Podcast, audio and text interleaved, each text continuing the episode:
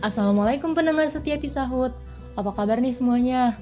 Semoga ucap dan rasa syukur selalu hadir dalam diri kita ya. Amin. Oh iya, sore ini udah tanggal 20 Ramadan ya. Berarti maghrib nanti pas buka puasa udah masuk 21 Ramadan. Berarti udah masuk babak terakhir dari bulan Ramadan. Ya Allah, ternyata udah 2 per 3 lewat ya, cepet banget. Kita aja nggak tahu pasti. Kita benar-benar memanfaatkan 2 per 3 itu dengan ketaatan dan ibadah. Atau ternyata masih ada kelalaian yang patut banget kita sesali. Mana nih ya, disebutkan dalam sebuah hadis, kalau seseorang melewati bulan Ramadan hingga selesai dan dosanya nggak diampuni, dia termasuk orang yang celaka. Iya sih, bulan Ramadan aja yang momentumnya besar, peluangnya besar, dia nggak diampuni. Ngarepin apa dari bulan lain? Tapi tenang, Allah baik, Allah nggak pernah pelit. Jika sepertiga dibandingkan dengan dua per tiga secara angka emang kecil, tapi enggak, Allah jadikan sepertiga ini bukan waktu yang sedikit, bukan waktu yang sempit. Ini waktu yang besar banget. Pasti teman-teman pada tahu lah kenapa. Iya, ada malam yang lebih baik dari seribu bulan. Sepertiga terakhir ini juga merupakan penutup bulan Ramadan, di mana sebuah amalan dinilai dari akhirnya. Bahkan ya bahkan, dalam Sahihain Bukhari Muslim dari Aisyah radhiyallahu anha jika telah memasuki 10 hari terakhir bulan Ramadan, Rasulullah akan meninggalkan istri-istrinya, mengajak keluarganya untuk menghidupkan malam-malamnya. Dalam riwayat Muslim yang lain, Rasulullah akan sangat bersungguh-sungguh dalam ibadah dan melakukan amalan khusus. Yang kedua ini gak pernah nih Rasulullah lakuin di akhir bulan lainnya. Tuh kan, Rasulullah aja sebegitunya momen loh ini momen bener-bener momen untuk memanfaatkan dari kelalaian-kelalaian yang mungkin kita lakukan di 2 per 3 sebelumnya. Jadi teman-teman, masih mau melalui sepertiga terakhir ini dengan kelalaian atau mau memanfaatkannya dengan ibadah dan ketaatan? Yang kedua lah ya. Terus gimana nih tipsnya? Nah, kita balik lagi ke hadis yang tadi, yaitu menghidupkan malam-malamnya. Di sini ada dua riwayat terkait waktu menghidupkan malam. Namun yang paling kuat yaitu menghidupkan malam pada kebanyakan malamnya saja. Jadi masih ada waktu untuk istirahat dan tidur. Terus amalan apa sih yang bisa dilakuin untuk menghidupkan malam? Mungkin teman-teman udah pada tahu, disebutkan juga di surat Al-Muzammil.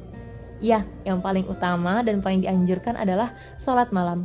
Karena nih ya, siapa yang sholat malam di malam Lailatul Qadar dengan keimanan dan mengharapkan pahala dari Allah, maka dosa yang telah lalu akan diampuni. So, selamat memperlama sujud, memperpanjang bacaan, meminta, memohon, dan bermesraan dengan Sang Pencipta ya. Terus amalan yang kedua apa nih? Udah gitu, kalau misalkan kita nggak kuat untuk sholat malam, terang aja, disebutin juga di ayat terakhir surat Al-Muzammil. Faqra'u ma tayassar minal Qur'an Nah, kita bisa membaca Al-Quran dan mentadabburinya. Karena nih ya, Al-Quran tuh udah megang izin dan tiket untuk memberikan syafaat bagi siapa saja, bagi mereka-mereka yang rela mencegah dirinya dari tidur hanya untuk berdua-duaan dengan Al-Quran. Masya Allah banget kan ya? Terus amalan yang ketiga apa? Amalan ketiga adalah berzikir. Di sela-sela kelelahan tilawah berjus-jus atau sholat malam yang banyak rokaat, teman-teman bisa tuh istirahat. Namun istirahatnya diisi dengan berzikir. Karena orang yang paling banyak pahalanya di antara orang-orang yang berpuasa adalah orang yang berzikir. Ya Allah, paket plus-plus banget gak tuh? Nah, tiga amalan itu yang bisa kita lakukan untuk menghidupkan malam di kebanyakan malamnya. Terus gimana nih dengan sedikitnya malam? Pada sedikitnya malam, kita bisa meminimalisir perbuatan yang sia-sia. Bisa kita isi dengan perbuatan yang baik, apalagi kalau diniatkan lillah, jadi bernilai ibadah. Nah, balik lagi nih, kita ke hadis yang tadi. Selain menghidupkan malam-malamnya, Rasulullah juga mengajak keluarganya.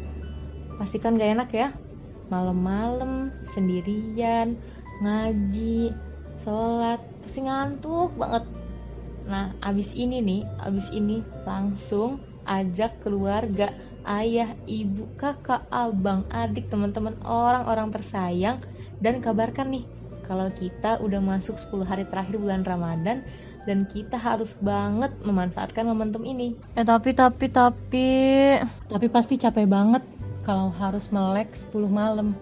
Mana paginya ada kuliah online, kuis, pretest, post ujian, uas, belum lagi aktivitas rumah biasanya.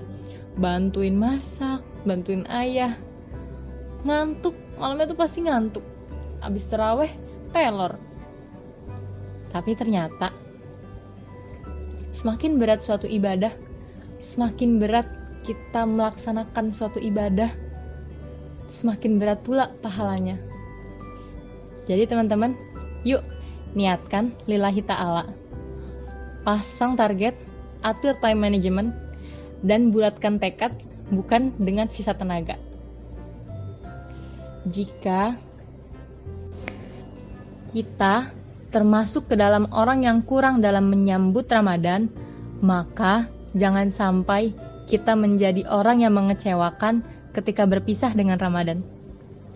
Kuda pacu aja kalau mendekati garis finish, dia akan semaksimal mungkin. Masa kita kalah cerdas sama kuda pacu?